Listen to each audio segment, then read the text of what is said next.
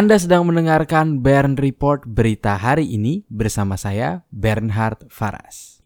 Berita ekonomi dan bisnis. Berita pertama, Menteri Perindustrian usul diskon tarif listrik industri. Menteri Perindustrian Agus Gumiwang mengusulkan pemangkasan tarif listrik bagi sektor industri. Usulan tersebut menyusul penurunan harga gas pada angka 6 dolar Amerika Serikat per MMBTU Agus menyebut diskon harga listrik pada sektor industri diberikan dalam waktu-waktu tertentu. Namun sayangnya, Agus belum merinci lebih lanjut terkait besaran diskon dan juga ketentuan waktu yang disebutkannya. Berita kedua, program tol laut beri prioritas bagi pengusaha kecil untuk berkembang.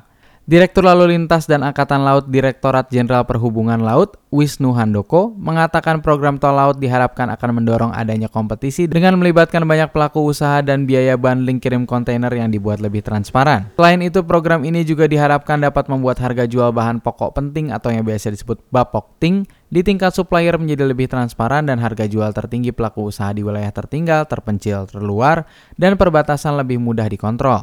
Berita ketiga, Omnibus Law izinkan orang asing punya apartemen di Indonesia.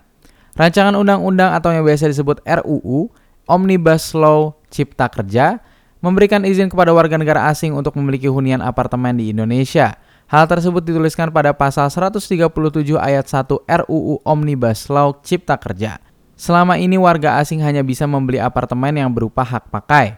Merujuk peraturan pemerintah nomor 103 tahun 2015 tentang pemilikan rumah tempat tinggal atau hunian oleh orang asing yang berkedudukan di Indonesia. Diatur hak pakai rumah tinggal bagi warga asing diberi jangka waktu selama 30 tahun dan bisa diperpanjang. Berita keempat, perusahaan minyak Shell menurunkan harga BBM. Perusahaan minyak Shell menurunkan harga bahan bakar minyak atau yang biasa disebut BBM. Penurunan tersebut berlaku efektif sejak tanggal 13 Februari 2020 pukul 2 siang waktu Indonesia Barat.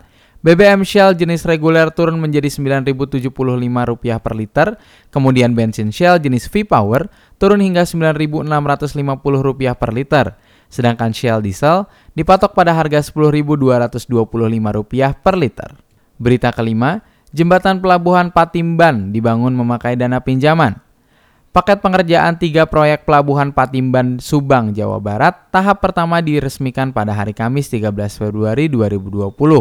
Paket proyek pengerjaan tiga adalah pembangunan connecting bridge atau jembatan penghubung ke pelabuhan.